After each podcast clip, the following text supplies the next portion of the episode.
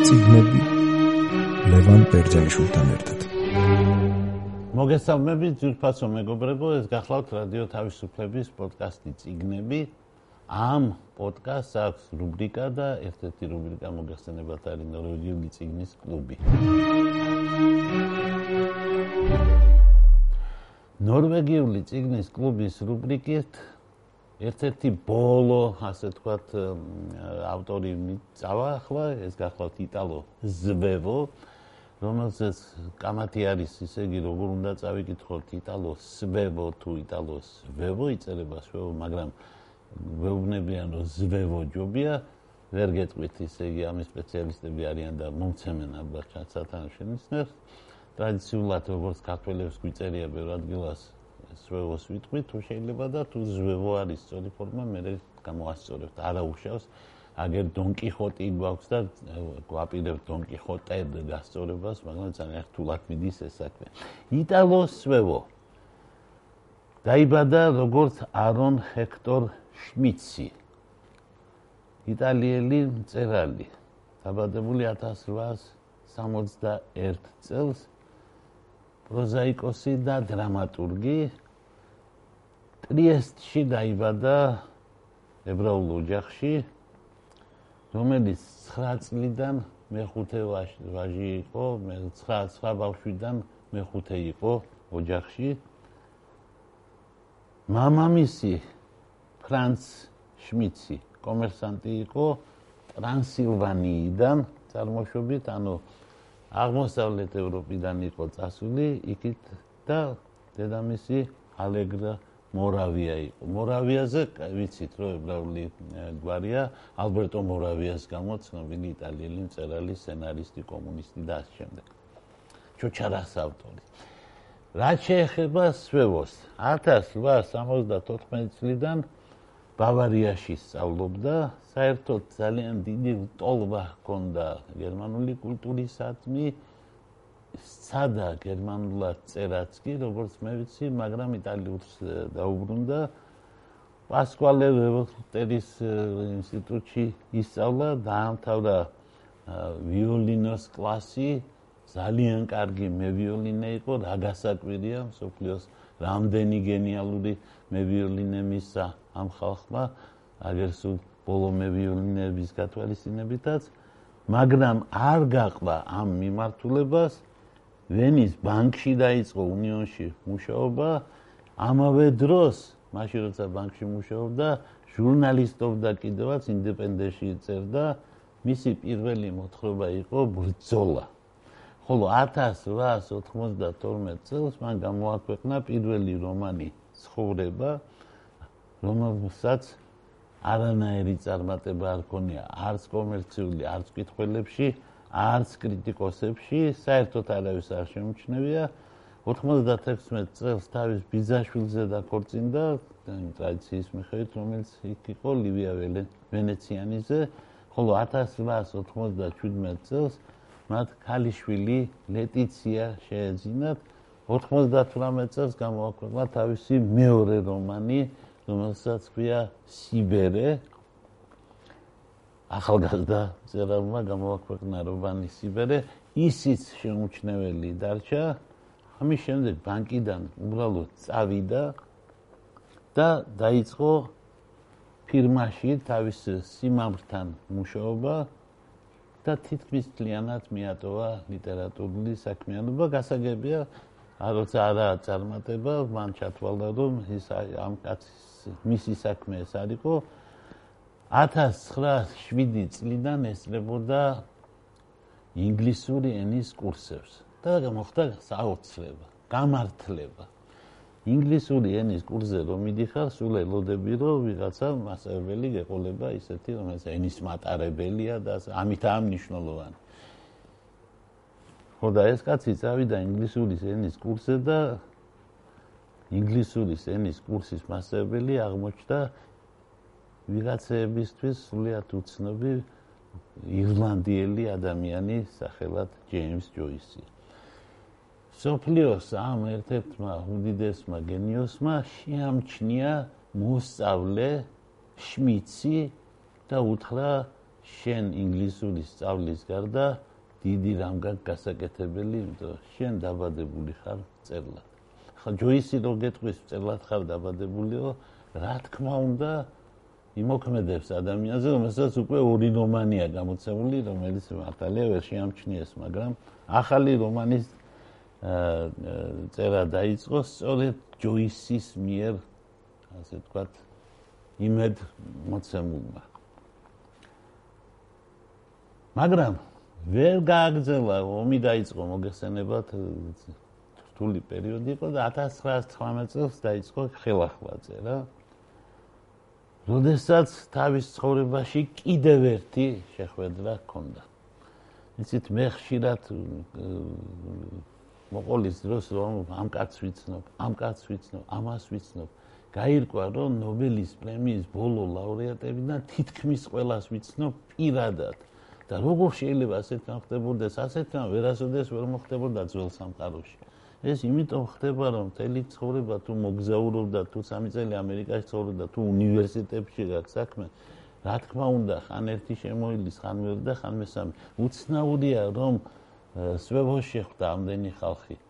ის პირადად იცნობდა ჯოის და ჯოის მის მასწავლებელი იყო და ის პირადად გაეცნო ზიგმუნდ ფროიდს და ზიგმუნდ ფროიდი მისი მეგობარი იყო და რა თქმა უნდა ეს ამოდენა ხალხი რომელსაც გადაწყვიტეს მე-20 საუკუნის ლიტერატურის ბედი თითქმის ამ ორმა კაცმა ერთმა როგორ უნდა დაწერო მეორე რა საიდუმლოა შენში და ასე შემდეგ ხო იმიცით როგორი არის თქვა ფროიდის გავლენა? წერლებიდან დოსტოევსკის გავლენა თუ შეედრება? და შეიძლება ვერც შეედაროს ისეთი არის ფროიდის გავლენა წერლობაზე და იტალოს ვეო მას გაეცნო შეისწავლა მისი შემოქმედება. მთლიანად გერმანული მოგეხსენებათ მისთვის მშობლიური ენა იყო ორი ორი მშობლიური ენა ჰქონდა და გერმანული ერთ-ერთი ასეთი იყო და ამან მოახდინა რა თქმა უნდა დიდი გავლენა და რა თუნდა თქმა რომ მოახდინა თუ კი კაცმა დაწერა რომანი თვით შემეცნება ზენოსი ზენოს თვით შემეცნება ან ზენოს ახსარება სხვადასხვანაირად დაგნიან მაგრამ თვით შემეცნება გაცილებით უფრო სწორი თარგმანი მგონია მე. რომელიც გამოვიდა 1923 წელს და მოუტანა ავტორს დამსახურებული დიდება იტალიაში რომ მოუტანა დიდება ეს გასაკვირი არ არის, იმიტომ რომ 23 წელს ასეთი ციგნი იყო ძალიან ძალიან ავანგარდისტული და ძალიან წინწაწეული არავინ. მაგ დროს ასეთ ციგს არ წერდა, ვერ დაწერდა იტალიაში. მაგრამ თქვენ წარმოიდგინეთ ძალიან მალე ითარგმნა ევროპაში და გახდა პოპულარული იმ უბრალო მიზეზის გამო, რომ მისმა თავისებურებამ ყველა მოხიბლა. რა არის სულოსთვის განსაკუთრებით მნიშვნელოვანი. იგი არ ხმარობს თანამედროვე ლიტერატურას წერს ძალიან ძველი აპარატით, ასე ვთქვათ. ის არ ხმარობს ცნობიერების ნაკადს, ის არ ხმარობს ძალიან ბევრ რამეს არ ხმარობს კლასიკურად წერს, მაგრამ ცნობიერების ნაკადის შემცველ რაღაცას წერს. ანუ მას რა შეუძლია მას? ცნობიერების ნაკადში მე ვამბობ. პარიზი შიშველი ქალები მახსოვს გასაგებია ეს სხვა ჩვენ ციტატა არის ჯოის ჯოისიდან. და იქ რა წერია? იგი ფიქრობს პარიზზე და შიშველ ქალებზე. ასე დაწერს. მაგრამ ჩვენ მაინც იმას ვკითხულობთ მაინც ხვდებით რომ ეს არ არის ჩვეულებრივი თხრობა. ჩვეულებრივი თხრობა რომელია გეტყვით? ერთხელ მარსელ პრუსტმა თქვა რომ თუ ნაწარმოებში თქვენ სიუჟეტის განვითარებას მიყვებით და იქ რა დაიწყება ბუნების აღწერა, იქ ამინდის აღწერა, ასეთი რაღაცები და იმას ასე გადაფურცლავთ ხოლმე, თიც რომ დაისვენებ და გადაფურცლავ, ჩემი წიგნი ხელში არ აიღოთ, და რომ დაიწყეთ გადაფურცლავ პირველი გვერდი და 3000 გვერდს გადაფურცლავ და არაფერი იქ არ იქნება სათქმენო. აი ეს რო არ მომხდარიყო, ამიტომ ამ პატიოსანმა კაცმა გააკეთა ასე რომ მან ფაქტობრივად ცნობიერების ნაკადი გადაიტანა ობიექტურ თხრობაში. და არ დაწერა ისე მაგრამ დაწერა ასე თუმცა რომ კითხულობთ სხვანაირად ვერ ხედავთ. ანუ უბრალოდ მესამე პირი გადაყავთ პირველ პირში ეს არის მე მგონი მისი განსაკუთრებული თავისი არ ვიცი როცა თარგმანი იქნება თარგმნელს მით უმეტეს რომ იტალიურიდან მე ვიცი ვინ უნდა თარგმნოს ეს ციგნი ვინაიდან ხანდახან გვისმენენ კიდევაც ჩვენ თარგმნელები იქნებ ჩემი რჩევა გაითვალისწინო. რომ ამის თარგმნის შემდეგ შევიკრიბოთ და მოგვიყვნენ იქ როგორ როგორ უნდა წავიკითხოთ როგორ უნდა გავიგოთ იტალოს ვებოს დაწერილი აქვს ამის გარდა 13 კომედია. და რომელიც და დიდი ნაწილი თითქმის ყველა დაწერილია დიალექტზე და სავსე არის ყველაფერი ძალიან ბევრი დიალექტური ლექსიკით მაგალითად აღორძინება ასეთი რამ დაწერა კომედია დაწერილი არის უმბრო აპოლონოს მიხედვით და საერთოდ ისე იგი იმ პერიოდში 27-20-იანი წლების პირველ და მეორე ნახევარში საკმაოდ საკმაოდ პოპულარული იყო. მაგრამ თავარი ციგნი, რა თქმა უნდა, არის ეს ზენოს თვითშემეცნება. ეს არის მისი რომანი, რომელიც როგორც გითხარით 1923 წელს გამოქვეყნდა, გამოქვეყნდა იგი ბოლონიაში. რომანს აქვს ასე თქვა წინასწარი განცხადება, რომელშიც ვინმე ექიმი ს ამტკიცებს, რომ სურს შურიზიების მიზნით გამოსცეს ერთი თავისი პაციენტის ავტობიოგრაფიული ჩანაწერები. ამ პაციენტს ერქვა ზენო კოზინი და ეგ კოზინიზე შურიზიების მიზნით და რატომ უნდა იზიო შური მიატოვა მკურნალობა, მკურნალობა და მკურნალობის მიტოვების გამო მისივე ჩანაწერების გამოქვეყნებას ახერხებს მისი ექიმი და ყოფილი პაციენტის ჩანაწერები ძირითადად შეადგენს ამ ციგნის შინაარს. რომანი არის ზენოს ფსიქოლოგიის ანალიზი ადამიანის, რომელიც თავს ცნობს ავად, ამავე დროს აბსოლუტურად უნიშნელოდ და რომელსაც უნდა თავისი თავი განკურნოს, მაგრამ გააკეთოს ეს ხან აბსურდში გადადის, ხან პირიქით შედეგს იწვევს. სიუჟეტი ძალიან მარტივია. თავისთავად ეს არის ახსარება, რომელსაც გვეუბნება ზენო, ამიტომ არ ქმნევენ ხოლმე ხანდახან ზენოს ახსარებას. ზენო კოზინის ახსარება ის პირველი პირით გვითხრობს თავისი პირით გვიყვება მაგრამ არა ქრონოლოგიური წესრიგით ალბათ გაგახსენდათ ერთი დიდი წიგნი ამასთან დაკავშირებით ქრონოლოგია და ქრონოლოგიური ქაოსი ქრონოლოგიური უწესრიგობა გახლავთ ერთ-ერთი უმძლავრესი იარაღი დარტყმა, რომლითაც იხსნება დიდი ციგნი ხმაური და მძინვარება. როდესაც იქ ჩვენ პირველ თავს ვკითხულობთ მოგეხსენებათ, ესე იგი 1928 წლის 6 ივნის პირველი თავი. აა იქ თხრობელი რომელსაც ასაკი კი აქვს 33 წელი, მაგრამ 5 წლის ბავშვის გვაქვს, ის სწორედ ქრონოლოგიას ურევს ხოლმე და ჩვენ გვიწევს მისი ქრონოლოგიის დადგენა იმის მიხედვით ვინ ახლავს მას. ეს ისეთი ბავშვი და ადამიანია რომ მას ვიღაცა უნდა ახლდეს. იმის მიხედვით ტიპი ახლავს თუ ლესტერი ახლავს თუ ვინმე სხვა ახლავს ჩვენ ხვდებით როდის ხდება მოქმედება. აი ესევე ქრონოლოგიურად არეული არის სიგიჟის ერთ-ერთი ნიშანი. არის დრო დროის აღრევა. სივრცეს შვენივრად აღიქვამს ზენოც და შვენივრად აღიქვამდა სხვა შორის თავის ყოფილ მინდორს, რომელიც ახლა გოლფის კლუბს აქვს ჩაბარებული, შვენივრად აღიქვამდა ბენჯიც, ანუ ფოლკნერის პერსონაჟი. თავარი გმირი, როგორც გითხარით, დროში აღურევს ხოლმე და სხვადასხვა ეპიზოდი ერთმანეთში აქვს ანალოგიის მიხედვით დაკავშირებული ერთმანეთთან დაკავშირებული. თავარი გმირი ზენო კოზინი დიდარი ოჯახიდანაა წარმოშობით და ცხოვრობს უქმად, უქმობს, არაფერს არაკეთებს, მაგრამ კონფლიქტში არის თავის მამასთან, რაც აისახა მთელს მის ცხოვრებაზე.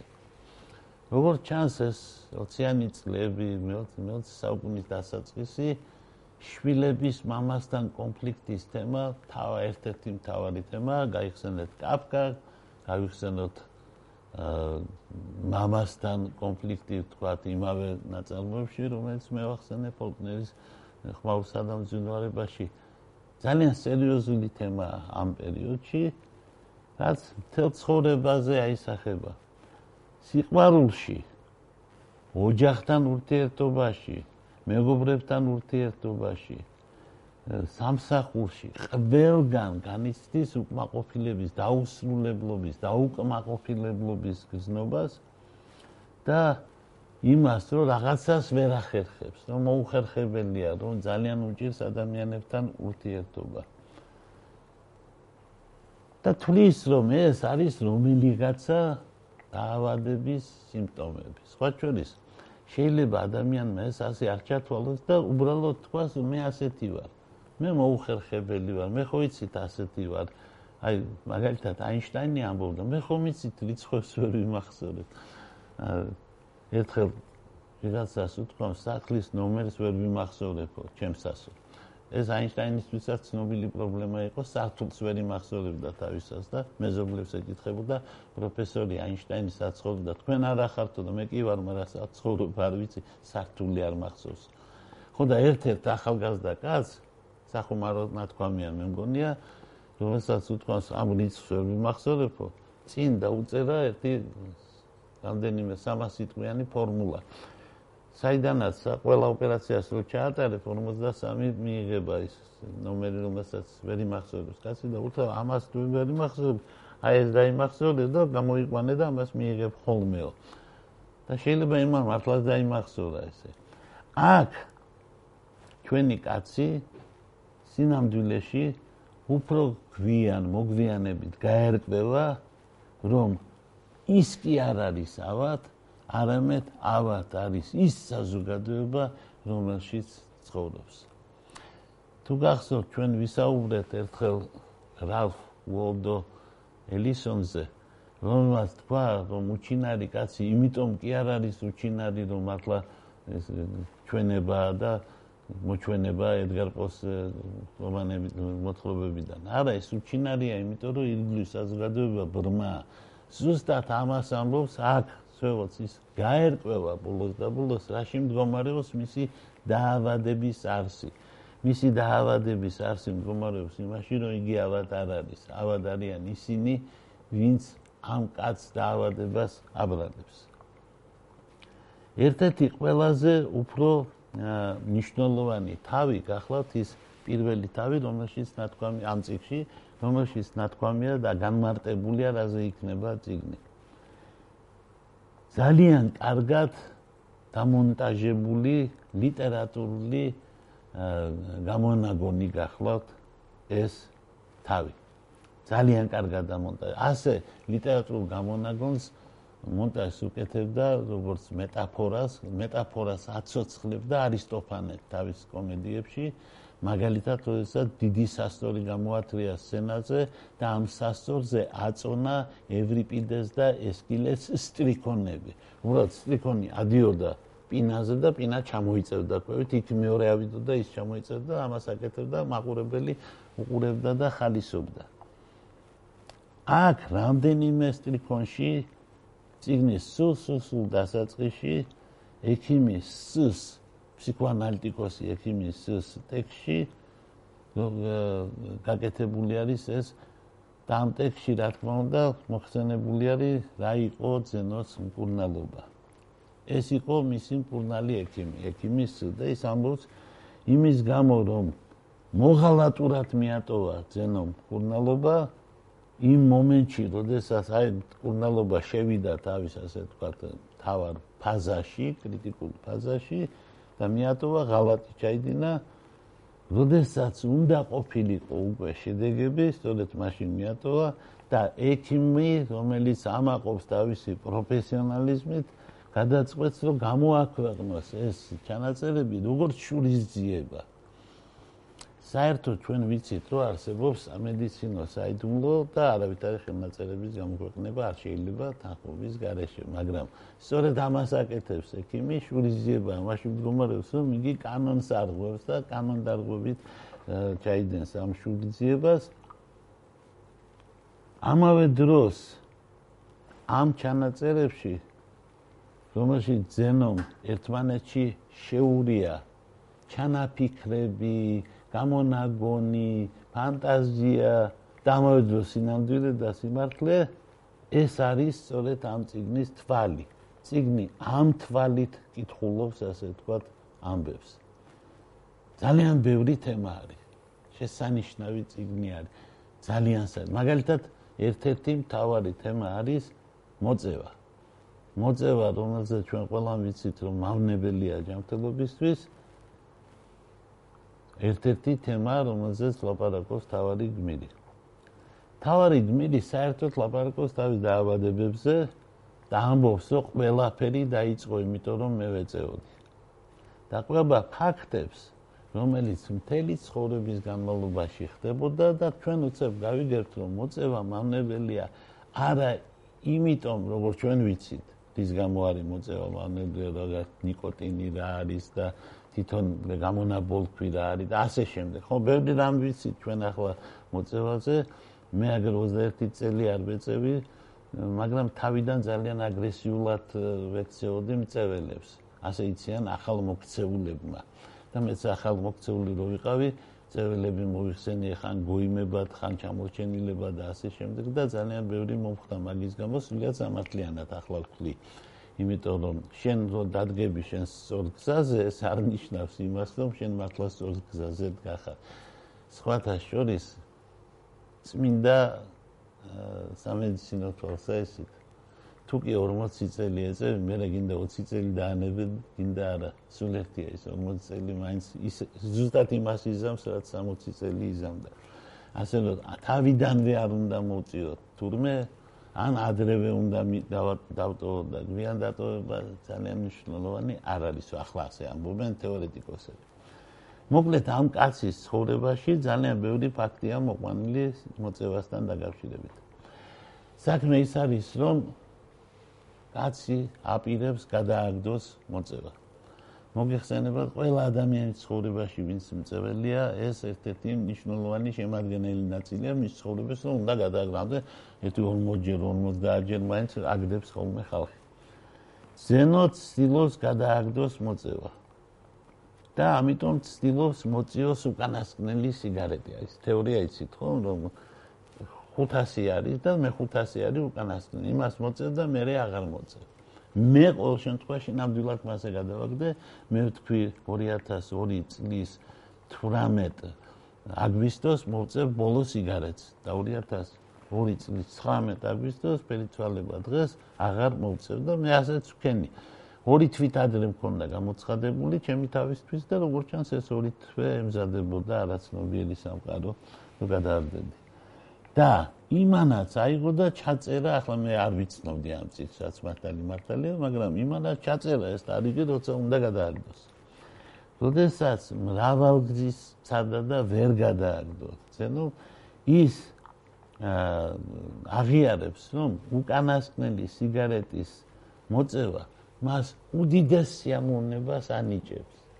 ანუ უკანასკნელი სიგარეტი ხო უკანასკნელი არასოდეს არ აღმოჩნდა მის შემთხვევაში, მაგრამ ხო ერქვა მას და აი თვითონ ამ უკანასკნელს აყოლებს თელს გემოს. და მე ეწევა შემდეგ სიგარეტს, რომელიც აღარ არის ისეთი გემრიელი, იმიტომ რომ პირველია და შეიძლება ცოტა დაგახველებინოს კიდევაც და ცოტა უჩვეულოც იყოს, რომ რა რანაირი გემოა რაღაცა სხვანაირია. მაგრამ უკანასკნელს ვთქვათ გამოაცხადებ ახალს მეორე დღეს, მესამე დღეს და ყველა უკანასკნელი სიგარეტი არის უგემრიელესი. უცეფის ამას აკავშირებს იმას, რომ ადამიანის ცხოვრების უკანასკნელი დღეც ამიტომ არის უგემრიელესი. იმიტომ რომ იგი არასოდეს არ არის უკანასკნელი და ასე შემდეგ. ძალიან საინტერესო ფილოსოფოსია. ეს იყო პირველი თემა მოწევა, რომელსაც შეეხო ჩვენი გმირი ამის მერე ძალიან ბევრი თემაა. ერთ-ერთი მაგარი თემა არის მამის გარდაცვალება, მამის სიკვდილი. ძენო იხსენებს კონფლიქტურ დამოკიდებულებას მამასთან და განსაკუთრებულ ყურადღებას აქცევს მისი ცხოვრების უკანასკნელ დღეებს. ეს იყო ურთიერთობები, რომელსაც აი დუმილი ერთმანეთთან ალაპარაკი და გაუგებრობა და ერთმანეთის ვერგაგება არის აქ საფუძველთა საფუძველი. მამას არანაირი პატივისცემა არ ქონდა შვილის მიმართ და არ დაუტოვა აა ქონება სიკვდილის შემდეგაც. ანუ ანდერტში შვილი არ შეიყვანა და საერთოდ ვიღაცა უცხო კაცი შეიყვანა ამ ანდერტში, რომელიც გარედან მოყვანილი კაცი იყო, მართველი მენეჯერი ოლივი ის შეიყვანა. შვილი რომელსაც უფრო მეტი დონე ქონდა მამასთან შედარებით კულტურის, განათლების და ასე შემდეგ, ასევე არაფასებდა მამას და გაურბოდა მასთან სერიოზულ ლაპარაკსაც. განსაკუთრებით მნიშვნელოვანი იყო სწორედ ეს, რომ გაურბოდა სიკვდილის მომენტში, როდესაც შვილი მივიდა მამის თავს სასტუმალთან და იმა ის უკვე ამ ქვეყნად აღარ იყო თითქმის და ხელს დაარტყამს, ხელი დაარტყა. ამას იხსენებს. და ზენოს არაფრით არ შეუძლია გაიგოს ვერ აანალიზებს თავის მოქმედებას. რატომ დაარტყა მომაკვდავ მამას ხელი? ვერაფრით ვერ ხვდება ეს რატომ გააკეთა და რა იყო ეს ეს სილა გააწნა მამას მისი ბოროტების გამო რაღაცა ფიზიკური მოქმედება იყო. ვერაფრით ვერ ხდა ამას დიდხანს აანალიზებს. და ჩვენც მასთან ერთად ივაანალიზებთ ამ ფაქტს რომელსაც ჩვენ ცხოვრებაში არ ქონია თქვა ადგილი მაგრამ გვესმის რომ არაცნობიერი ძალიან უცნაურ საქციელს ჩაგვადენინებს ხოლმე. ამას მოყვება კიდევ ერთი თემა ეს არის ქორწინების თემა და ის ასე ამბობს, ჩემი ქორწინების ისტორია. ეს არის წასაკითხი თემა ყველასთვის. საერთოდ ეს ძალიან სახალისო ციგნი არის ბევრი თვალსაჩინო, მაგრამ თავარი გმირი რომელიც ასე ვთქვათ, უსასრულოდ ეძებს და არანაირი უიმედოდ უკვე ეძებს ცოლს, გაიცნობს 4 დას. რომელიც ჯოანი მანფეტის მანფეტის ქალიშვილები არიან. რომელთანაც ძალიან ჭიდრო კავშირი აქვს თავარდმის სამსახურის გამო, სამსახურობრივი კავშირი აქვს და აქვს ძალიან დიდი პატივისცემა ამ კაცის მიმართ. იმდენად ღრმა, რომ მასში ხედავს სწორედ მამის ფიგურას და არა საკუთარ მამაში, რომელსაც კარგად ვერ უსტი, რომელსაც ურთიერთობა საერთოდ არ აქვს. და აა ეხლა როგორ მოყავს ცოლი? ამ დებიდან სულ ყველა არის პოტენციური საწოლე და ჟელობით გამორიცხავს თითოეულ საწოლეს ლოგიკური რომ აი ამის და ამის გამო ეს არა ამის და ამის გამო ის არა და ასე შემდეგ. ჯერ ოთხი გოგონა განიხილა და აუგუსტა პირველი გამორიცხა სულ პირველი. იმიტომ რომ არისო ლამაზი მართალია პატივისცემით ექცეოდა, მაგრამ სწრაფად უნდა გამორთოთ ამ სიიდან რაღაც თვისებების გამო. შემდეგ იგი გამორთავს ამ სიიდან და გამორიცხავს ანას, იმიტომ რომ მხოლოდ და მხოლოდ 8 წლის პატარა ბავშვია და ვერ დაელოდება ამდენ ხანს. ყველაზე უფრო მომხიბლელი დებს შორის არის უფროსი და ადა, და სწორედ ამ ადასთან დაიწყებს ასე ვთქვათ სასიყვარულო მცდელობების განხორციელებას ჩვენი გმირი ზენო. მაგრამ ამ გზნობას, რომელსაც იგი გამოხატავს, იქით ამ ხრიდან სიცივე შეხვდება და ამიტომ თავისთვის შეუფერებლად მიიჩნევს იქით ახლა და აქეთ ამ ხარეს კიდე ცვლილება არ შეუძლია. თან ამასთან ერთად ეს ქალი ასე ვთქვათ უკვე არის დანიშნული გვიდოზე ღრმა ადამიანზე რომელიც მას უყვარს კიდევაც. ეს ყველაფერი რა თქმა უნდა შეიცავს ძალიან კომიკურ ელფერსაც და გადავა შემდეგ თავში რომელსაც პირდაპირ ქვია საინტერესო სახელი ცოლი და საყვარელი კონფლიქტური ურთიერთობა. ქალებთან.